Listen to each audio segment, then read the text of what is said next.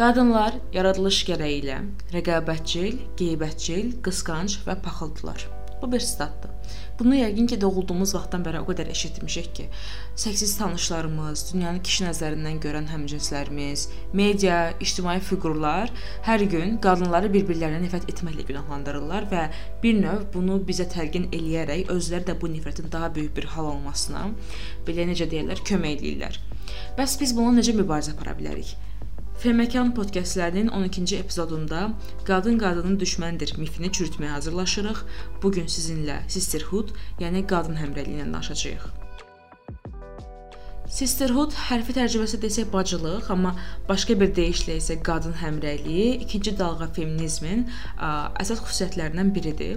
Qadın həmrəyliyi bir məfhum kimi kollektiv birlik və məqsəd hissinin təmin etməklə yanaşı, həm də feminist hərəkatı həmrəyliyini nümayiş etdirirdi və həll etdirir.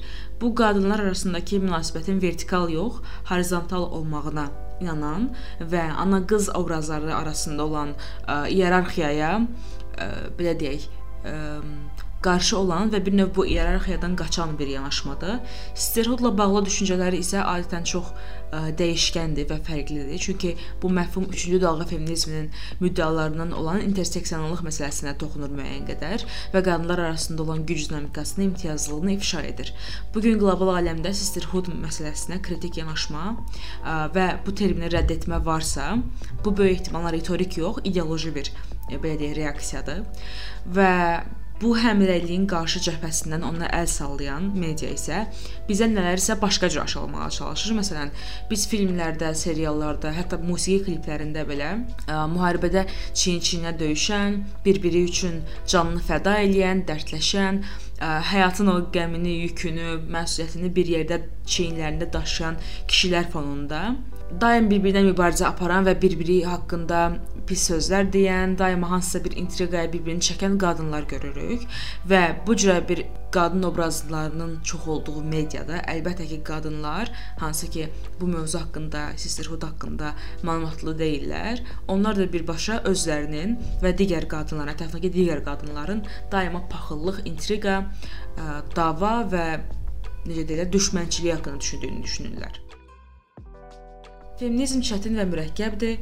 Yaxşı faydalı iş ortaya qoymaq və yaxşı feminist olmaq üçün işləmək ondan da çətindir. Sisterhood mövzusu illərlə, xüsusilə də ağ feminist qadınlarla, qradərli feministlərin güc və aktivizm dinamikalarından keçişdiyi məqamlarda çox müzakirə və tənqid olunub, deyə fəlsəfə və feminizm tədqiqatları elmləri doktoru Cory Wong TEDx çıxışında qeyd edir. Ağdərili burjua feministləri üçün sisterhood özlüyündə qadınları bir-birinə dəstəkləməsi və qıslamaya məruz qalanların təcrübə və hekayələrini paylaşmağın əsas ideyası olub və bununla belə bu çağırış işçi sinif və və qaradərli qadınlar üçün bir o qədər də necə deyirlər, önəmli gəlmirdi. 1984-cü ildə qaradərli feminist Bell Hooks Feminist Theory from Margin to Center adlı kitabında belə yazır. Bu günə qədər feminist hərəkatı və sisterhood düşüncələrinin ilk növbədə burjua ağdərli qadın və kişilərin sinfi maraqlarına xidmət etdiyi çox aydındır. Statın sonu. Əvvəllər burjualar üçün sisterhoodu universal dildə qurmaq, hamını hesaba almaq və islahatlara fokuslanmaq ə, çox çətin görünürdü. Hüquq deyir ki, problem sisterhood anlayışında deyil, bu anlayışı daha da gücləndirmək üçün lazım olan səyi göstərməyə, ə, necə deyirlər, fürsətin olmaması və inqilabi dəyişikliklər etmək üçün lazım belə deyək də çox işləməyin labirliyini anlamamaqdır. Yəni bir növ burjua və daha yüksək siniflərdə sinifləri e, nümayəndəlik edən, onları təmsil edən qadınlar xüsusən də ağ qadınlar və işçi sinifinin daha üst təbəqəsində olan qadınlar sisterhood məsələsini gündəmə gətirsələr də, bunun davamlılığını, bunun daha da təsirli, güclü artırması üçün hansısa bir islahat görmürdülər və bu necə deyirlər, siyasəti, sisterhood anlayışını inkişaf etdirmək üçün də hansısa bir aktivizm göstərmirdilər. Fərqlilikləri etiraf etmək təkcə cinsiyyətçiliyə deyil, həm də irqçilik, sinfi istismara son qoymaq, həmrəylik yaratmaq baxımından inqilabi dəyişikliyə imza atmaq kimi gərgin işlərə hələ heç kimi o vaxt bulaşmaq istəmirdi. Ümumilikdə isə sisterhood qadınların yəqin ki, daha asan həzm edə biləcəkləri bir termindir. Hər bir qadın özünü feminist adlandırmaya bilər ya da buna hazır olmaya bilər. Çünki bugünkü günümüzdə də lap əvvəlki dövrlərdə tarixə baxsaq, Bu ola bilər ki, qadınlar feminist sözünü eşidəndə daha fərqli şeylər başa düşürlər. Bu əlbəttə ki, propaqanda ilə bağlı bir şeydir. Bu ola bilər ki, o özü şəxsən feminizmi inkar eləyir. Bu ola bilər ki, bu mövzu haqqında təcrübələri heç də uğurlu deyil və pozitiv deyil və ola bilər ki, bu mövzunu ümumiyyətlə tanış da deyil və bu terminin nə olduğunu bilmir. Və buna görə də bu kimi qadınlar üçün xüsusən, yəni bayaq saydığımız tipdə qadınlar üçün sisterhood məsələsi daha pozitiv bir məna daşıyır və onlara feminizmdən əgər qorxurlarsa belə, ya da ki, bu termin haqqında neqativ fikirləri varsa belə, sisterhood ə, feminizmin bəzi düşüncələrini elə gözəl ümumiləşdirir ki, əslində ə, feminizmdən çəkinən, qorxan, nifrət edən qadınların özləri belə bir növ sisterhood məsələsini aydınlaşdıraraq, bununla bağlı nələrsə oxuyaraq belə, ya da ki, nələrsə görərək belə ə, feminizmə yavaş-yavaş ayaq aça bilərlər deyək. Və Sovetdən qalma qadın hüquqları. Ailə strukturu olaraq tərbiyəni, sosial və iqtisadi düşüncələrimizi, gündəmlə bağlı yanaşmalarımızın təməlini SSR-də böyümüş insanlardan almışıq. Bəs SSR qadınlar üçün nə qədər təhlükəsiz olub? Dövlət strukturları qadınlara və feminizmə necə yanaşıb? Gəlin bunlara qısa bir nəzər yetirək. 9 qadın tərəfindən hissə-hissə qələmə alınan Sovet Sisterhood kitabı bu mövzuda mənim ən böyük mənbəm oldu. Kitabda qeyd edilir ki, 1908-ci ildə keçirilən 1-ci Ümumi Rusiya Qadınlarının Konqresində əsas əsas sloqan qadın hərəkatı yalnız burjua yaxud proletarian deyil, bu hərəkat bütün qadınlar üçündür idi. Bu söz özü də qadınlara qarşı olan zorakılığın yalnız sinfi olmadığını açıq sübutu idi. Bolşeviklər üçün ə, qadın və kişi haqqlarının bərabərliyi mənasız tələbdir. Onların fikrincə hüquqi bərabərlik burjua mifidir və insanlar hətta öz mülklərinə qarşı belə bərabər ə, əlaqələri olmadıkları üçün, belə bir əlaqə qurmadıkları üçün bunun reallaşması, yəni qadın və kişi bərabərliyi, hüquqi bərabərliyin reallaşması mümkün deyil. Bolşeviklər belə düşünürdülər. Eyni zamanda qadın həmrəyliyi məsələsi, xüsusən də bolşeviklərin deyişi ilə bədbəxtlik həmrəyliyi adı altında birləşən bütün qadınların feminist konsepsiyalarını ə, sinfi cəmiyyətdə siyasi və iqtisadi reallıqdan tamamilə fərqli olmaqla ittiham edirdilər. Bolşevik qəzetlərində olan Pravda isə qadınlara həsr etdiyi səhifələrlə yadda qalandı. Bu səhifələr inanmıram ki, sizin ürəyiniz açacaq. Qadınlara həsr edilmiş e, rubrikalarda qadın, yəni işçi sinifinin qadınlarına məktublar yayımlayırdılar, dərc, ed dərc edirdilər və onlardan biri belə idi.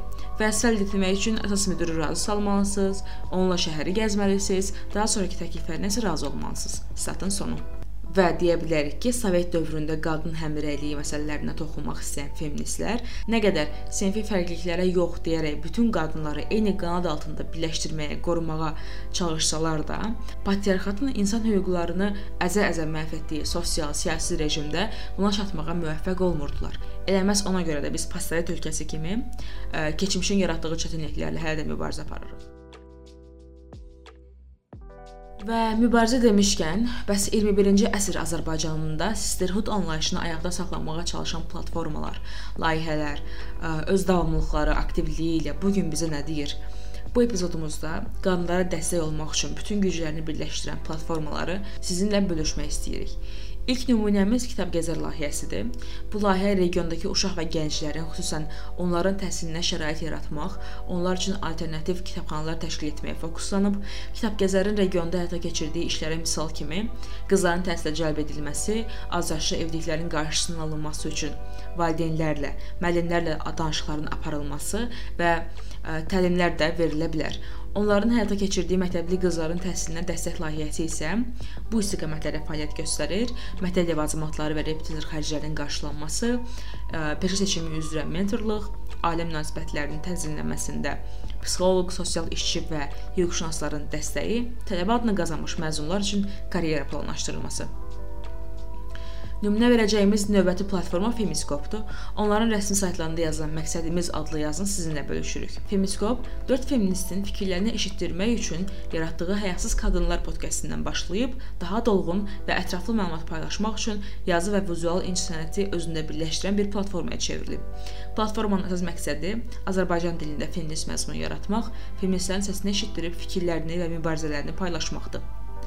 Femtek qadınlara öz startaplarında təməl qurmağa kömək edir, liderlik, komanda işi, şəxsi inkişaf daxil olmaqla sahibkarlıq sahəsində çalışan qadınlarla bağlı bir çox məsələləri də araşdırır. Növbəti nümunəmiz Feminist Biz kollektivdir. Feminist sülh kollektivi 2020-ci ildə yerli feministlər tərəfindən 2-ci Qarabağ müharibəsindən sonra sülh, münaqişə, militarizm, imperializm, kapitalizm, milliyyətçilik, gender və maskulinizm və digər əlaqəli mövzuları tədqiq etmək üçün yaradılıb. Qadın üçün təşəbbüs qrupu isə qadınlara, xüsusən də məişət zorakılığına məruz qalmış, cəmiyyətdən təcrid edilmiş şəxslərə hüquqi və psixoloji yardım göstərir. İndiyədək kitabları dərc etmiş və qadınlar işlə kimi layihələrdə bir çox qadının peşə bacarıqlarının artırılmasına kömək ediblər. Qadın qətilləri platforması Azərbaycanda baş verən qadın qətillərinə diqqət çəkmək üçün ə, hazırlanmış bir platformadır. Siz bu platforma köməyi ilə öldürülmüş qadınlarla bağlı bir çox məlumat bazasına çıxış edə bilərsiniz. Və bizim podkastımız bu dəfəlik bu qədər. Ümidvarıq ki, gələcək 8 martlarda qadın həmrəyliyinin ən gözəl nümunələrini görüb və göstərərək mübarizəmizə birgə davam edərik. Dinlənilmək ümidi ilə.